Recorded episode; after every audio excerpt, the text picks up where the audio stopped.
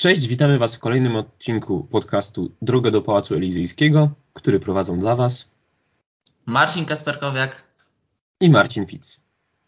Witamy Was w odcinku specjalnym, tak możemy go nazwać, specjalnym dlatego, że nagrywamy go w chwili, w której trwa pierwsza tura wyborów prezydenckich we Francji. E, dlatego też dzisiaj skupimy się na takich dwóch aspektach. Pierwszy to przedstawienie e, takich spotkań przedwyborczych, takie nazwijmy, tych ostatnich, które miały na celu zmobilizowanie elektoratu, a następnie zajmiemy się e, też taką próbą e, przewidzenia tego, jak będzie wyglądała kampania przez najbliższe dwa tygodnie, no bo spodziewamy się jednak, że do tej drugiej tury e, wyborów dojdzie. A dlaczego się spodziewamy, to myślę, że mogę zaprosić Was znowu do sondażowni Marcina, który opowie nam, jak te sondaże właśnie na ostatniej prostej tej kampanii wyglądają. Tak, dziękuję Ci bardzo za to wprowadzenie. E, może jeszcze przytoczmy, bo e, nigdy chyba wcześniej tego e, nie zrobiliśmy, a myślę, że warto. Przytoczmy mm, imiona i nazwiska wszystkich 12 kandydatów, bo właśnie tylu łącznie mierzy się ze sobą w pierwszej turze wyborów prezydenckich we Francji. I oczywiście oprócz tych, o których bardzo często wspominaliśmy, czy nawet zawsze w naszych e, odcinkach wspominaliśmy, czyli oprócz Emmanuela Macrona, e, Marine Le Pen, Valérie Pécresse, Erika Zemura i e, ostatnio przez nas opisywanego Jeana-Luca Mélenchona, jest jeszcze kandydatka partii socjalistycznej, obecna mer Paryża, Anne Hidalgo. Najbardziej antyrosyjski kandydat w wyborach, polityk koalicji zielonych Janik Żado, działacz nowej partii antykapitalistycznej, zresztą też już weteran e, w wyborach prezydenckich Nicolas Dupont-Aignan, e, kandydatka walki robotniczej Nathalie Arthaud i mm, zresztą e, nieco podobny ideowo kandydat francuskiej partii komunistycznej Fabien Roussel i dwójka tych kandydatów, którzy, którzy mm, to poparcie w wyborach rzeczywiście, e, przynajmniej tak wynika z sondaży, zbierają na poziomie błędu statystycznego, czyli marginalne, to jest Jean Lassalle i Philippe Poutou. E, przejdźmy do sondaży.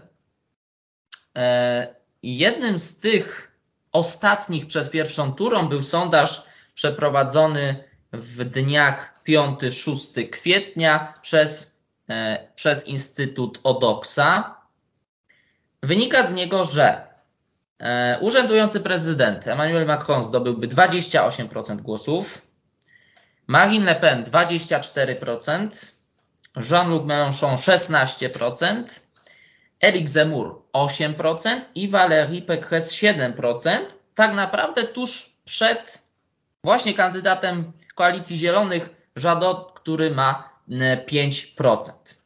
Sondaż Ipsos Soprasteria dla e, Paryżanina i France Info przeprowadzany w dniach 5-7 kwietnia. Tutaj mamy próbę 1700, mm, mm, ponad 1700 respondentów. Przewidywana frekwencja, do której zresztą zaraz e, myślę przejdziemy, bo to jest bardzo ciekawy wątek, to jest 72% i tutaj Macron mógłby liczyć na 26,5% poparcia. Le Pen 23%, Mélenchon 16,5%, Zemur remisuje z Pécresse oboje po 8,5% i Jadot 5,5%. No i w tle oczywiście jeszcze ci mm, mniej istotni e, kandydaci, kandydatki. E, więc, mm, więc to są e, te sondaże. Jest jeszcze sondaż, właściwie barometr Opinion Way Kia Partner dla Le i Radio Classique. I tutaj jest takie mm, porównanie, które też nam wiele wskazuje, wiele mówi. Macron stracił dwa punkty procentowe w ciągu tygodnia Natomiast Le Pen i Mélenchon zdobyli po dwa punkty procentowe i umocnili się na tej e, drugiej i trzeciej pozycji. E, natomiast co z drugą, potencjalną oczywiście, ale bardzo, bardzo prawdopodobną drugą turą? Tutaj różnica między Emmanuelem Macronem a Marine Le Pen się zasadniczo znacząco zmniejsza. Z 53 do 47 na rzecz Macrona, do, yy, przepraszam, z 55 do 45 na rzecz Macrona, do 53 do 47 na rzecz Macrona. Krąży też w sieci i w mediach sondaż e, Atla Politico, wedle którego e, Marine Le Pen zdobyłaby w drugiej e, turze więcej głosów, wie, wie, wyższy wynik procentowy niż Macron.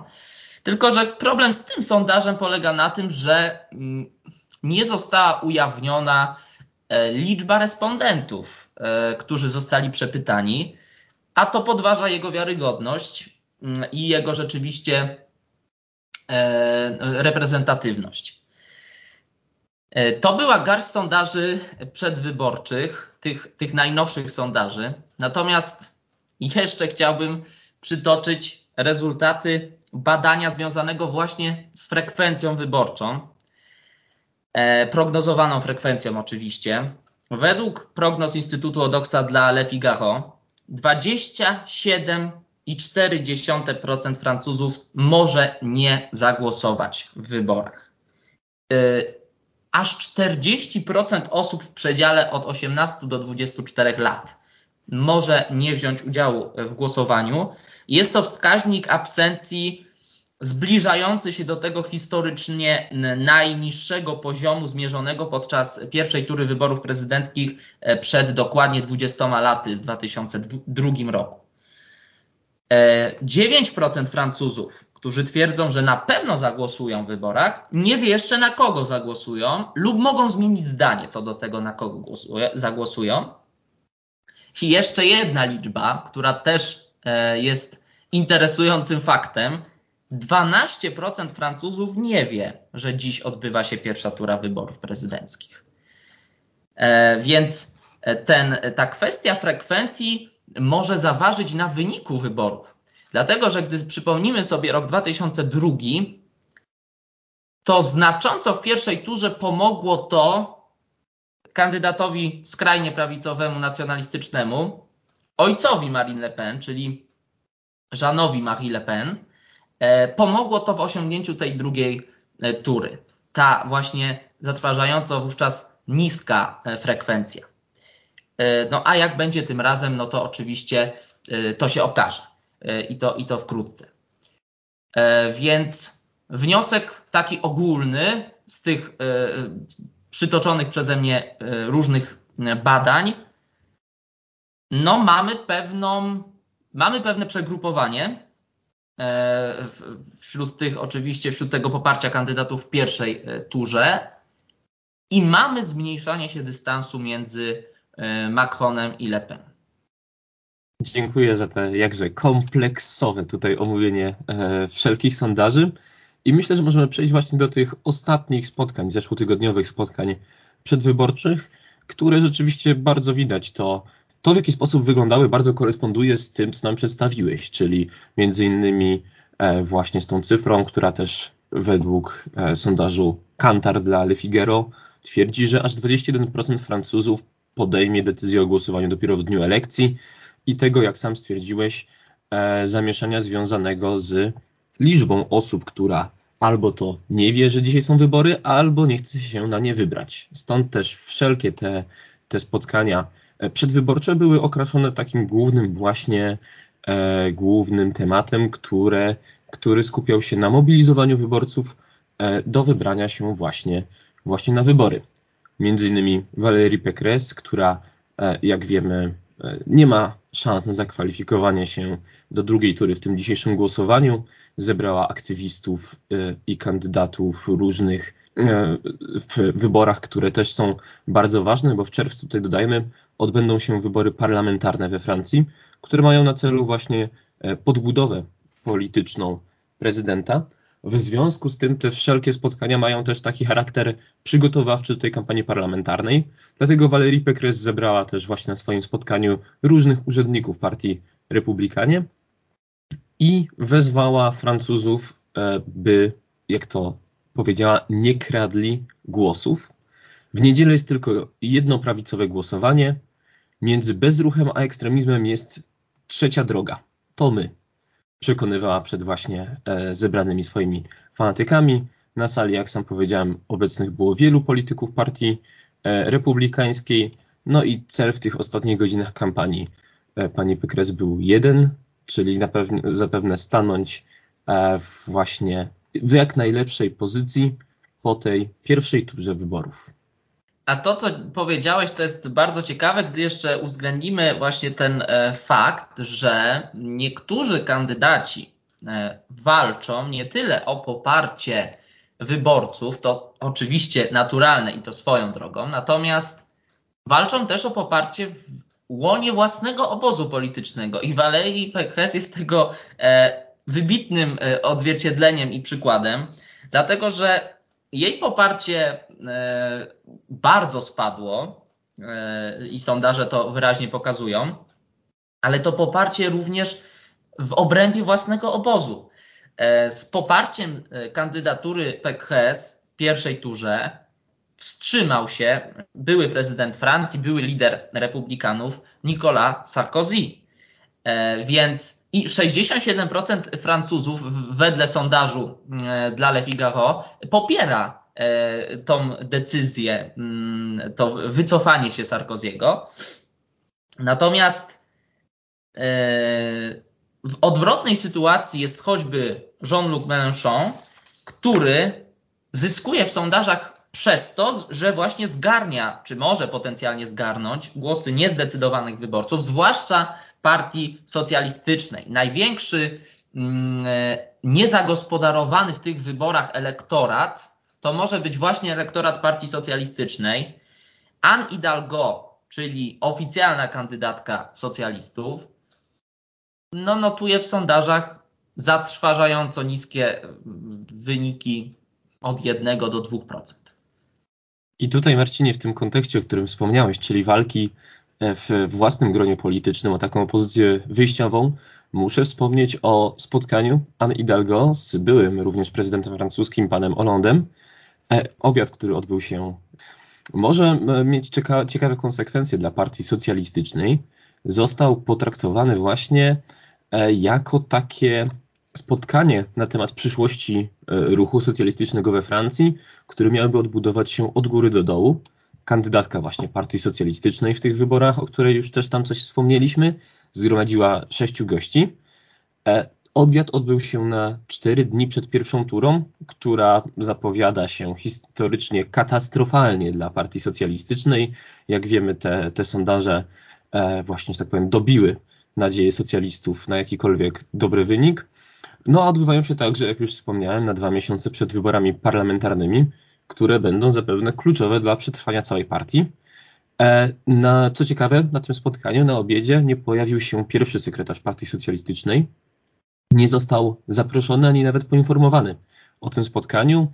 E, dlatego niektórzy politycy Partii Socjalistycznej, czując się zdradzeni, ogłosili na niedługo przed tą niedzielą, E, przed pierwszą turą, podczas której jesteśmy, że nie będą już walczyć dla Anne Hidalgo. Dodatkowo pojawiły się głosy, że to był taki dodatkowy sposób na demobilizację tych wyborców, tego co zostało już z elektoratu, a tym bardziej demobilizację kierownictwa. Dlatego z pewnością będzie to też ciekawe, e, jeśli chodzi o obserwację Partii Socjalistycznej w najbliższych miesiącach, no a przede wszystkim w czerwcu podczas wyborów parlamentarnych. Ciekawa będzie też obserwacja, mm, jak sobie poradzi w tych czerwcowych wyborach parlamentarnych, o ile będzie jeszcze funkcjonowała partia Reconquista Erika Zemura, kandydata, który no, zniknął, można powiedzieć, dosłownie w tej kampanii wyborczej. E, kampania Erika Zemura monotematyczna, karykaturalna wręcz, E, I media zagraniczne e, piszą o tym, że kampania i kandydatura, która jest darem niebios dla Marine Le Pen, do tego stopnia, że e, stała się w oczach wyborców kandydatką umiarkowaną, wręcz centrową, idealną do tego, by zasiąść w fotelu prezydenta Piątej Republiki Francuskiej. Nawet przynajmniej przyznam się, ja nie słyszałem, nie odnotowałem takich e, doniesień czy informacji o jakichkolwiek spotkaniach e, w tych właśnie ostatnich dniach przed pierwszą turą e, Erika Zemura. Mm, to ja donoszę, odbyło się jedno spotkanie w czwartkowy wieczór. O. Spotkanie, które miało miejsce w Paryżu, było taką ostatnią też mobilizacją, ostatnim bastionem. Co ciekawe, było utrzymane w takiej młodzieńczej atmosferze. E, głośno rozbrzmiewała muzyka elektroniczna, jak to donosiła francuska prasa. E, spotkanie było głównie przed takimi kilkoma tysiącami młodych ludzi. Co ciekawe, wznoszono okrzyki kto nie skacze, ten nie zemur, e, więc to e, właśnie dlatego dla przywódcy Reconquest, który spadł w ostatnich tygodniach w tych sondażach, jak sam stwierdziłeś, poniżej 10%, pewnie też ważny aspekt, bo sam Zemur zapowiedział już, że jeżeli nie dostanie się do drugiej tury, wystartuje w wyborach do parlamentu. Tak, e, więc moglibyśmy znów spróbować taki wniosek e, sformułować. Kandydatka socjalistów e, dołuje, Zemur też prawdopodobnie no, nie poradzi sobie w tej pierwszej turze tak, jak tego oczekiwał i tak jak zresztą wskazywały na to wcześniejsze mm, badania opinii publicznej. Czyli można powiedzieć Zemur, Hidalgo, e, PKS też po części w tej kryzysowej e, sytuacji, w kryzysowym momencie.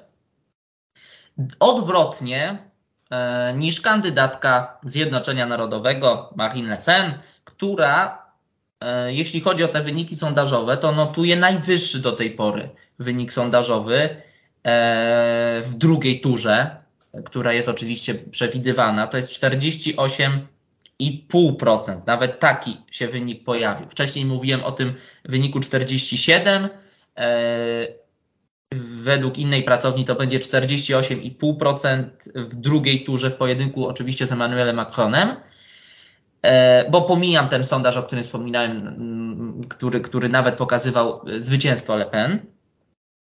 Le Pen chyba, przynajmniej ja bym taką tezę postawił, zyskuje w sondażach w ostatnich dniach, zwłaszcza na tym, że skupiła się na problemach, które są problemami trapiącymi francuskie, czy większość francuskiego społeczeństwa, a które w niedostateczny sposób y, poruszali i zajmowali się nimi inni kandydaci. I mam tu na myśli to, o czym już zresztą my też w jednym z poprzednich odcinków rozmawialiśmy, mianowicie malejącą siłę nabywczą wyborców o średnich i niższych dochodach. E, I to się opłaciło Marine Le Pen.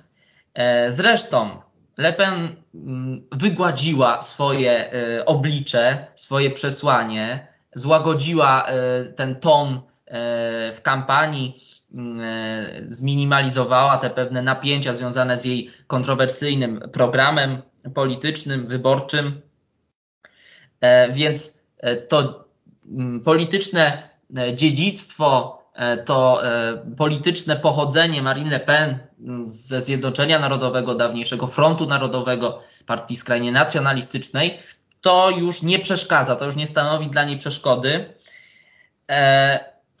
I pokuszę się jeszcze o cytat z dziennika Financial Times, który, mm, na którego łamach jeden z dziennikarzy napisał, nawet jeśli Le Pen przegra, tu już oczywiście e, jeszcze wtrącę, chodzi o drugą turę, e, jeśli nawet jeśli Le Pen przegra, jest prawdopodobne, że osiągnie najlepsze wyniki dla swojej skrajnie prawicowej partii, odkąd jej ojciec Jean-Marie Le Pen założył front w 1972. Więc rzeczywiście notowania Le Pen idą w górę i pytanie, do którego momentu e, pójdą w górę, w którym momencie się zatrzymają, bo w tej chwili te różnice sondażowe e, co do drugiej tury między Le Pen a Macronem no są w granicach błędu statystycznego. Zwłaszcza gdy dołożymy do tego jeszcze niską frekwencję, to, to już mamy w ogóle obraz szykującej się niespodzianki to, o czym wspomniałeś, czyli po pierwsze właśnie mobilizacja swojego elektoratu, a po drugie to, że Marine Le Pen e, skoncentrowała się na problemach zwykłych Francuzów, było widoczne podczas jej e, czwartkowego spotkania. W Perpignan e, wezwała swoich wyborców do głosowania, jak to określiła, na nową erę. Zapowiedziała oddanie głosu ludowi w takim populistycznym przemówieniu, jak to ona też zresztą ma w zwyczaju. Zmobilizowała swoją bazę wyborczą, czy próbowała to zrobić tak kilkoma argumentami. Pierwszym z nich był nazywany przez francuską prasę chór gniewu. Wypominała kłamstwa, infantylizację ludu i prowadzenie szemranych biznesów. To były takie rzeczywiście wspomnienia takich upokorzeń, za które obwiniała francuską klasę polityczną. Wspominała także o tym, że system jest na dystans i tutaj cytat wie, że może przegrać i użyje wszelkich środków, aby zapobiec naszemu dojściu do władzy. O tym ostrzegł e, burmistrz Perpignan, także właśnie z e, członek Frontu e, Narodowego.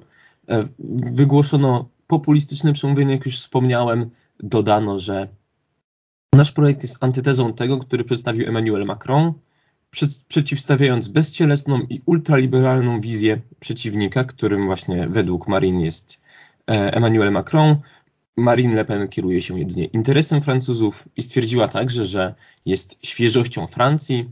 Ustępującego prezydenta z tej pięcioletniej kadencji e, porównała do oszołomionego boksera, który rozpamiętuje moment podcięcia, który posłał go na matę. E, zredukowała te wybory prezydenckie do takiej radykalnej alternatywy, którą właśnie e, jest ona sama. Będzie to albo rozcieńczenie w wielkiej globalnej magmie przez Unię Europejską, która jest do niej wstępem, albo afirmację narodu francuskiego jako przestrzeni ochronnej dla naszej większości. Co jak co, ale metafory Marine Le Pen są poetyckie. E... Tak jest, mam tylko nadzieję, że są przetłumaczone w odpowiedni sposób, czego nie gwarantuję, ale, ale myślę, że jednak oddajemy sens e, i właśnie tę e, jakże taką poetyckość tych wypowiedzi. Tak, mamy, mamy nadzieję, że oddajemy w 100%. Myślę, że czas przejść do tego kandydata, który jest, e, wydawałoby się jeszcze do niedawna niezagrożony e, w uzyskaniu reelekcji, ale jednak, tak jak wspominaliśmy, te pewne wątpliwości się pojawiają. Emmanuel Macron, który no jest na wyjątkowej pozycji, oczywiście z tego względu, że jest urzędującym prezydentem, no ale też z tego względu, że kampania co podkreślaliśmy w poprzednich e, naszych podcastach, toczy się, czy toczyła się w cieniu pandemii i w cieniu agresji rosyjskiej na Ukrainę. Więc e, Emmanuel Macron, który nie tylko wspiera Ukraińców, e, bo oczywiście to wsparcie jest widoczne, ale też, o czym też już mówiliśmy, próbuje nawet naśladować styl ubierania się e, prezydenta Ukrainy, ale to musimy w szerszym kontekście widzieć. Więc wyczuwa te e, i wpasowuje się w te panujące we francuskim społeczeństwie nastroje, a z drugiej strony wielokrotnie rozmawiał, rozmawia z prezydentem Rosji, Władimirem Putinem telefonicznie, próbuje go, jak sam mówi, nakłonić do tego, by zaprzestał mm, dalszej inwazji, by, by mm, podpisał rozejm, by nastał w e, Ukrainie i w Europie pokój. I co ciekawe w tym kontekście, no też y, chyba nie moglibyśmy nie wspomnieć o pewnej wymianie zdań na odległość między prezydentem Macronem a polskim premierem Mateuszem Morawieckim. Mm, Mateusz Morawiecki apelował podczas jednej z konferencji prasowych do prezydenta Macrona, by przestał rozmawiać z Putinem. I pytał retorycznie, czy rozmawiałbyś z Hitlerem, czy rozmawiałbyś ze Stalinem, czy rozmawiałbyś z Polpotem. I chyba sam Morawiecki nie spodziewał się, że Macron w ogniu kampanii wyborczej mu odpowie, e, a odpowiedział, zarzucił polskiemu premierowi, że będąc cytuję, wspierany przez skrajnie prawicową partię, dokonuje ingerencji we francuską kampanię wyborczą i wspiera prawicową kandydatkę na urząd prezydenta Marine Le Pen. E, no, temu nie da się zaprzeczyć, bo przecież mm, byliśmy świadkami tych wielokrotnych spotkań e, Morawieckiego i innych liderów Prawa i Sprawiedliwości właśnie z Marine Le Pen, co można odczytywać jako takie jednak zaangażowanie po jednej ze stron sporu politycznego we Francji. No natomiast y, mm, Macron y, kontynuuje, to oczywiście był jeden z wielu tematów, które Macron podjął, kontynuuje serię spotkań. Odbywają się mm, dynamiczne y, wiece czy dynamiczne konwencje przedwyborcze. właściwie odbywały się, no bo już, bo już nie ma takiej możliwości. I Macron w tych ostatnich dniach przed pierwszą turą wyborów prezydenckich przyjął tą taktykę, którą też stosował e, w 2017 roku, taktykę straszenia e, skrajną prawicą, straszenia Marine Le Pen, no tym bardziej, że właśnie wedle wszystkich tych sondaży e, do drugiej tury w drugiej turze dojdzie do powtórki scenariusza z 2017. I Macron mówił na przykład, Cytuję: Zagrożenie ekstremizmem jest bardzo wysokie. W ostatnich miesiącach i latach nienawiść, alternatywne prawdy stały się częścią normalnego dyskursu e, publicznego. Przyzwyczailiśmy się do antysemickich, rasistowskich wypowiedzi, które słyszymy w telewizji. Więc i, i tak dalej, można by jeszcze mnożyć te wypowiedzi, te cytaty. Więc, więc to jest ta taktyka. Czy ona y, podziała, to, y, no to właśnie, to jest pytanie chyba najtrudniejsze i najważniejsze. Dlatego też chciałem wspomnieć o dwóch takich kwestiach, które też już poruszyłeś, czyli po pierwsze, jak wiemy, Emmanuel Macron prowadził dotychczasową swoją kampanię w zawieszeniu, z dala od codziennych obaw, obaw Francuzów, co już tutaj e, stwierdziliśmy. No a sam konflikt czy agresja Rosji na Ukrainę wzmocniła jego pozycję. Tutaj zaobserwowaliśmy ten efekt flagi, który też e, widoczny był właśnie w sondażach. No w związku z tym pojawiła się pewnie taka pokusa, że po co ryzykować prowadzenie kampanii, skoro już jest wygrana. Myślę, że taka też mogła być optyka w tym, w tym obozie prezydenckim. E, no jednak jak wiemy, po tym miesiącu e, sytuacja się zmieniła, jest tak naprawdę możemy chyba stwierdzić, że diametra, diametralnie różna. E, między innymi sekretarz krajowy e, Partii Zielonych stwierdził, Emmanuel Macron, który zawsze chwalił się swoim zamiłowaniem do ryzyka, został rencistą, który wykorzystuje swoją przewagę do końca. W związku jednak z tym powolnym, ale stałym wzrostem Marine Le Pen i tym także, że postrzeganie wojny na Ukrainie się zapewnie zmieniło. Po pierwsze, jest już tym takim stałym tłem kampanii, a po drugie, właśnie pewnie też jest już jako trochę taka równoległa scena, sam wiceprezes e, sondażowni Ipsos stwierdził, że są to właśnie we Francji dwie sceny działające niemal niezależnie. W związku z tym e, też pojawiają się takie problemy tego, że Emmanuel Macron nie dotykał wcześniej materii ważnej dla Francuzów i stara się to teraz nadrobić. 22 marca w rozmowie z France Bleu, to jest stacja radiowa, jeden ze słuchaczy stwierdził, Mam wrażenie, że naszego prezydenta nie ma dla nas, że nie zna mojego życia.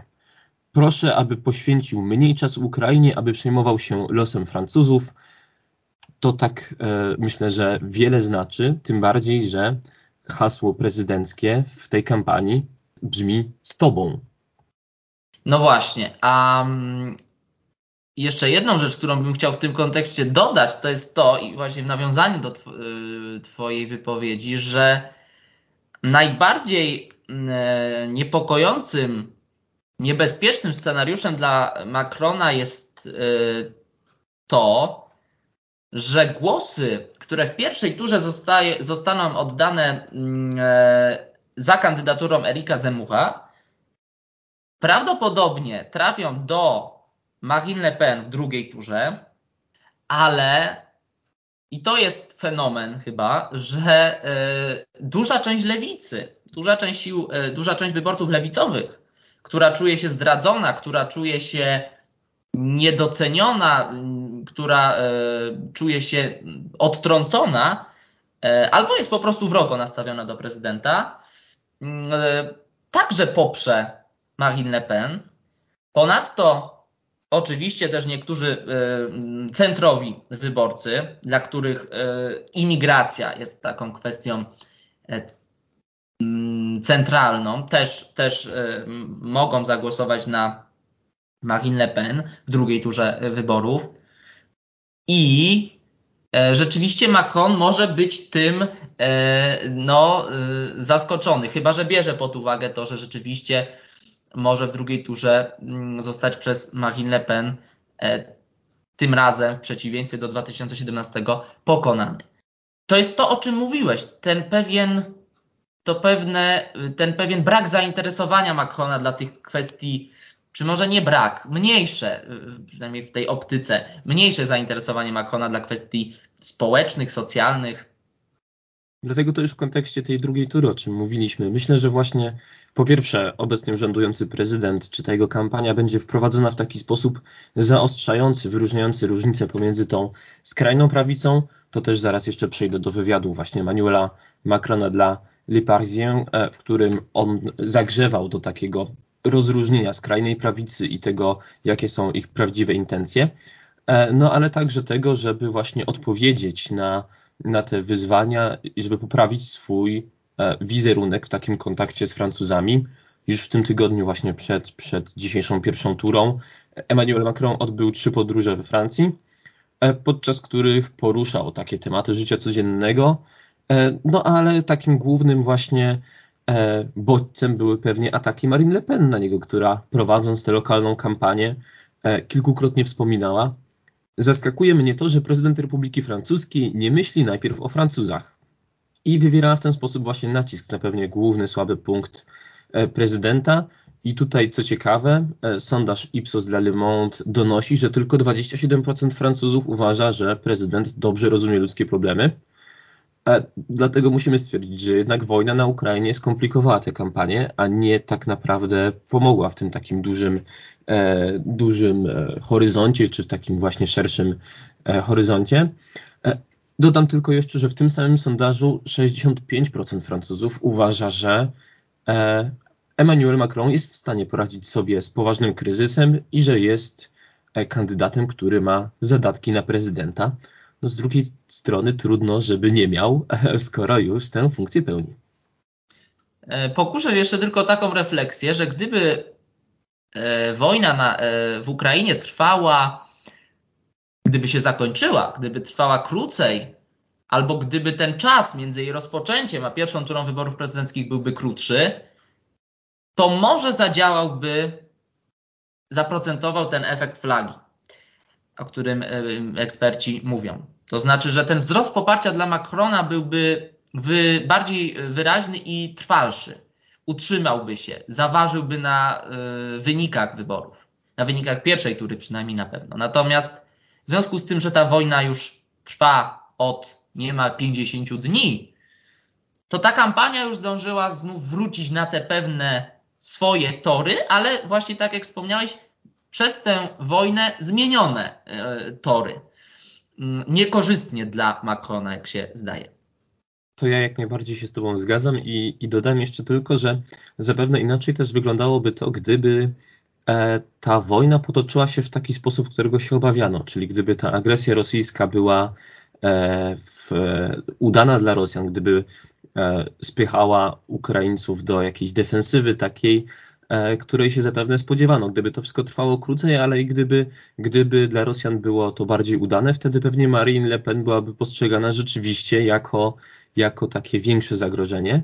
E, tutaj mówię o jej konotacjach właśnie z Władimirem Putinem, które i tak pojawiają się i sądzę, że będą przez najbliższe dwa tygodnie pomiędzy właśnie e, dzisiejszą pierwszą turą a turą drugą pojawiać E, cały czas. Znany też e, satyryczny dziennik Charlie Hebdo ostatnio opublikował taką okładkę e, Marine Le Pen, która była dronem Władimira Putina. Głowa Marine Le Pen właśnie została zobrazowana jako dron, więc myślę, że też taka narracja będzie pojawiać się bardzo często podczas tych najbliższych dwóch tygodni.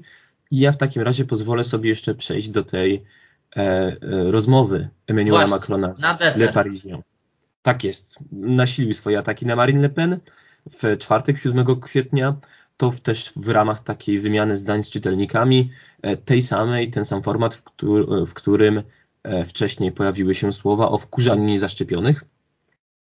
Sam prezydent stwierdził, że debata całkowicie zbanalizowała Marine Le Pen, ponieważ miała ona innego, groźnego przeciwnika w kampanii, który był jeszcze bardziej oburzający niż ona, pana Zemura. Ponieważ od sześciu miesięcy zdarzały się najgorsze horrory, powiedzieliśmy sobie, Marine Le Pen nie jest poważnym zagrożeniem, ale jej podstawy się nie zmieniły. Jest to program rasistowski, którego celem jest podzielenie społeczeństwa i wprowadzenie wielkiej brutalności. Kiedy proponuje wszędzie obniżyć podatek VAT i zamrozić ceny, nie wiedząc jak zmierza to osiągnąć, okłamuje ludzi.